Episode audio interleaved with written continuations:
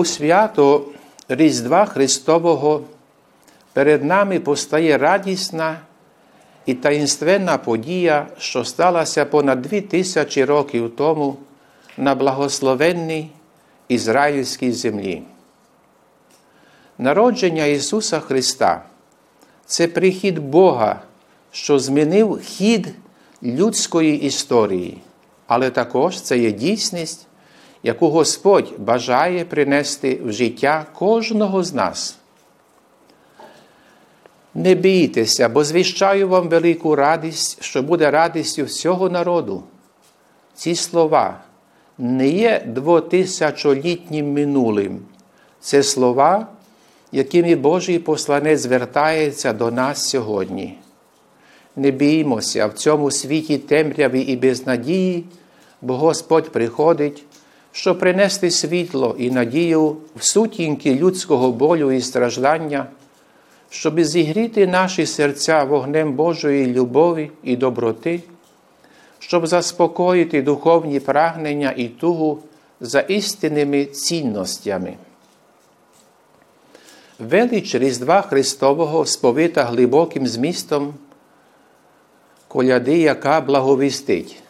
Бог предвічний народився, прийшов днес із небес, щоб спасти люд свій весь і утішив вся. Небесний Отець послав свого єдинородного Сина на землю між людей, щоб, воплотившись, тобто ставши людиною, Він своїм життям, терпінням, смертю і Воскресінням усунув перегороду, споруджену гріхом між людиною і Богом та привернув людям гідність синівства Божого. Різдво Христове це не лише об'явлення Божої премудрості і народження Божого Сина. Різдво Христове це свято Божої любові. Своїм народженням Син Божий виявив нам незбагненну і безмежну любов Творця до всіх людей. Бог бо так полюбив світ, що Сина свого єдинородного дав, щоб кожний, хто вірує в нього, не загинув, а жив життям вічним. Тому Різдво Христове продовж двох тисяч років щороку приносить нам радість, вселяє надію та пригадує, що з нами Бог, всемогутній Бог. У дитятко Боже, яке спочило в яслах на сіні, це цар Всесвіту, від якого все залежить, він початок і кінець усього. Тепер, коли суспільство переживає глибокий неспокій і стурбованість майбутнім, коли з розпачем шукаємо різні способи порятунку, насправді потребуємо помочі з висоти, бо всяке добре давання і всякий звершений дар з висоти є, що сходить від Тебе Отця світла, як молимось на святій літургії. Потребуємо Христа який стоїть в центрі історії окремої людини і світу. Завдяки Христові ми маємо силу дивитися на світ з Його перспективи, ставати вільними, сповненими надії, рішучості та розради.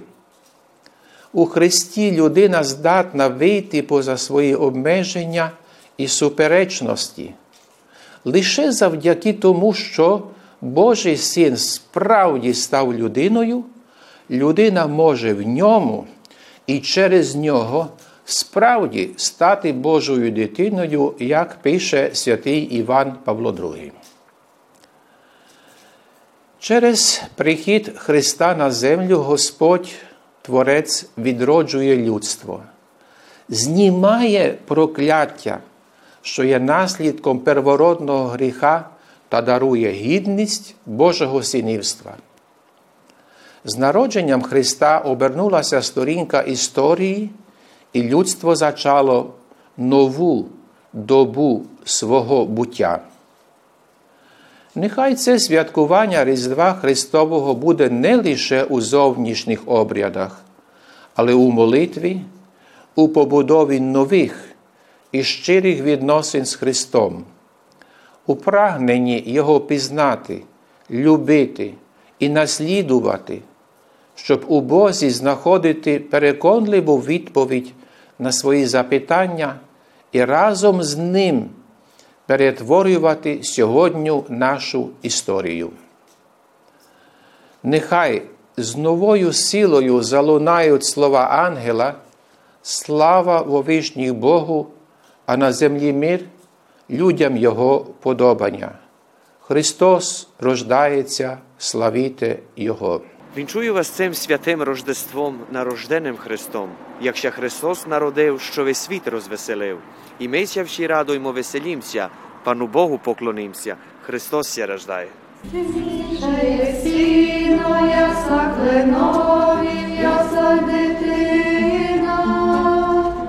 Діва Марія, коси шовкові,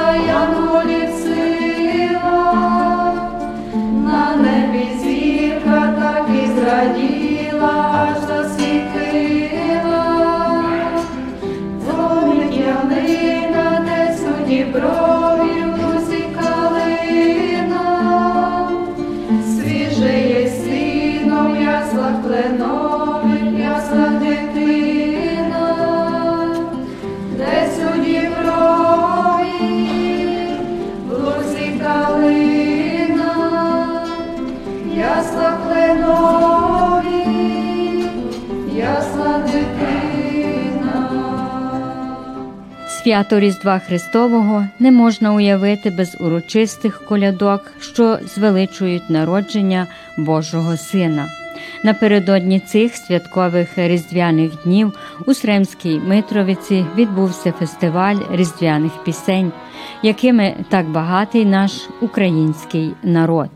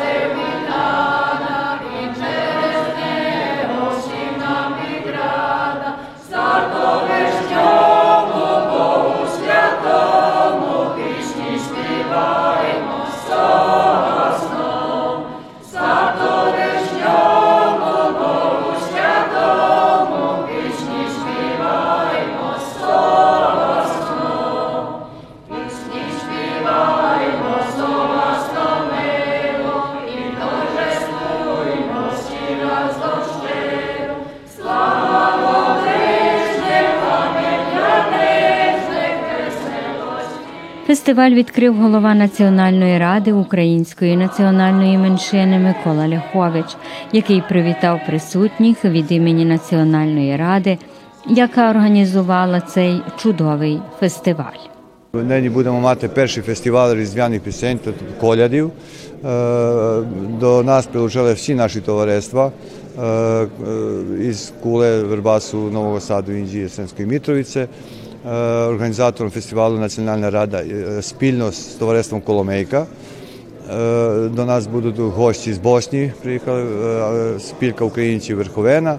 Так само будемо мати тут домашній хор сербсько-грецького е, приятельства і ріда. Так само і думаю, що маю такі бажання, щоб той, той фестиваль переріс у традиційний. Е, Ми маємо бажання, щоб це було тут коло Мітровиці, маємо гарну, церкву. І будемо старати, що вже довго-довго буде тривати той наш фестиваль. Е, Коляда одна від найліпших церковних пісень, е, радісні, радісні пісні, і треба їх шанувати. Я думаю, що то най, найліпший спосіб так робити. Ми, ми знаємо, і всі наші товариства мали е, різдвяні концерт, концерти у своїх осередках, але ми прийшли так, на ідею, щоб ми зробили такий фестиваль і щоб ми всі разом один, е, зробили таку гарну подію, зібрати всіх людей трошки і заспівати коляди.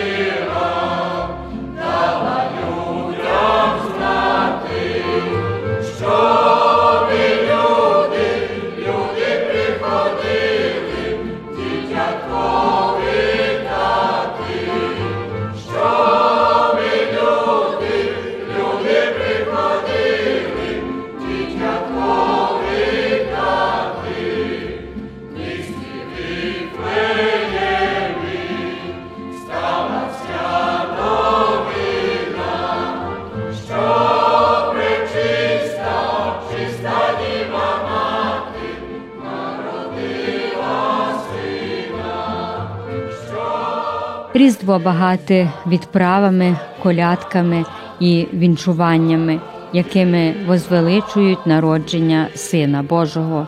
Ми тут зібралися на той концерт різдвяний перед святами. Це, що є на першому місці, я би визначив як дуже е, гарна, гарний жест, що ми зібралися разом так численно. Я як тільки приїхав і бачив хори наші зі всіх е, тут наших осередків, це вже радує серце. А що ми прийшли ще тут славити, відзначити свято, щоб приготуватися до свята Різдва Христового, це є ще більше. І що ми прийшли до нашої церкви тут, зі всіх сторін тут, це також є. Я думаю, що є дуже велика річ і дуже велика подяка організаторам за такий концерт, який вони продумали щоб і тут зорганізувати. Це є з організаційного боку. Тепер друге, що ми прийшли тут заспівати наші колядки, це є також дуже, дуже велика річ, не тільки для нас, для нас також, бо ми через колядки прославляємо цю подію, яка сталася для нас. Е, подія, яка перемінила цілий світ. Це Бог, який стає людиною. Ми побачимо в тих глибоких е, словах е, тут колядки, які будемо співати, якщо застанов... будемо застановлятися над значенням слів, над співом, над мелодією. А також є і це, бачите, скільки тут є молодих, є також, щоб вони бачили, що, яке то багатство, яке то багатство є, щоб їм передати. Якщо їм передамо тепер, вони тим будуть жити. Пізніше дарма будемо їм проговорити про це, якщо вони з малку не, не засвоять, не полюблять це і не приймуть його як, як своє. Отже, це є на початку того концерту, який то є мої враження поки що. Але будемо мати потім ще після концерту, побачимо, який буде настрій. Я думаю, що ці колядки, які заспіваємо, які почуємо тут, щоб нас піднесуть на дусі і нас приготують духовно до того великого свята Різдва Христового.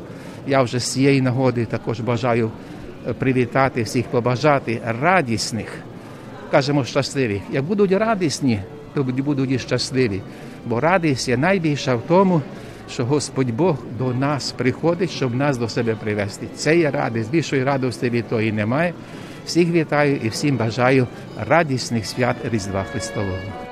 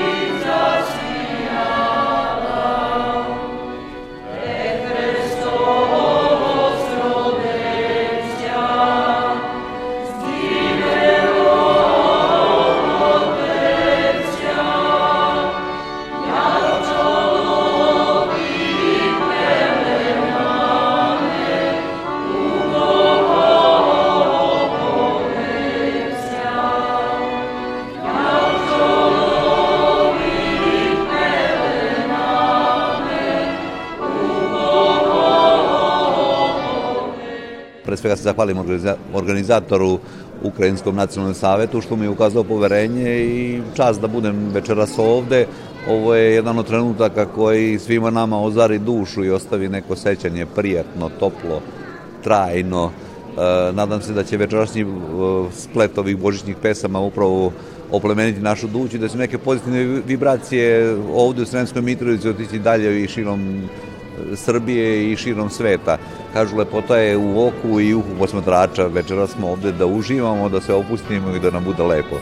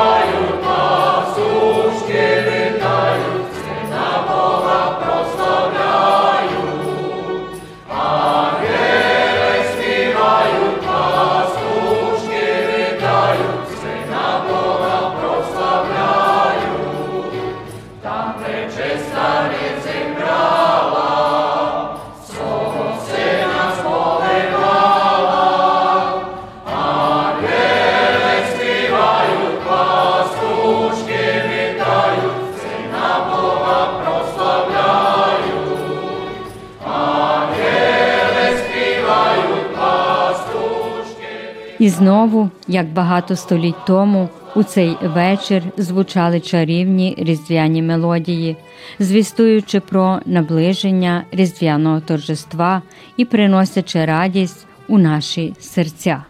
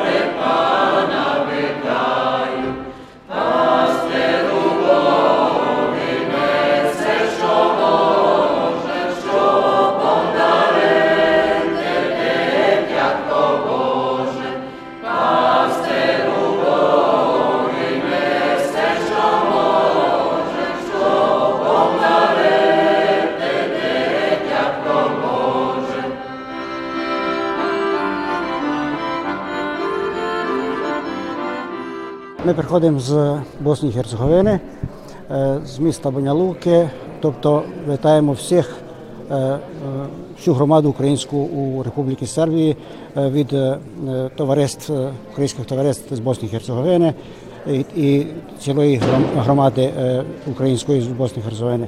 Ми, правда, маємо окреме задоволення, що по перший раз е, виступаємо тут е, на святі української пісні, тобто святі української колядки, е, яка у наших боснійських краях гарно затрималася, сказав би, гарніше в селі, а трошечки вже позабували в містах, де і тяжче отримувати ці звичаї. Тобто у селах ще все є е, під час різдвяних свят е, е, громада, яка обвідує українські е, е, хати і нормально на той спосіб е, е, гартелює і вітає з різдвяним святом. Насамперед, е, у своє ім'я і в ім'я української громади з Босни і Херцеговини бажаю насамперед е, українській громаді е, Сербії всього найкращого.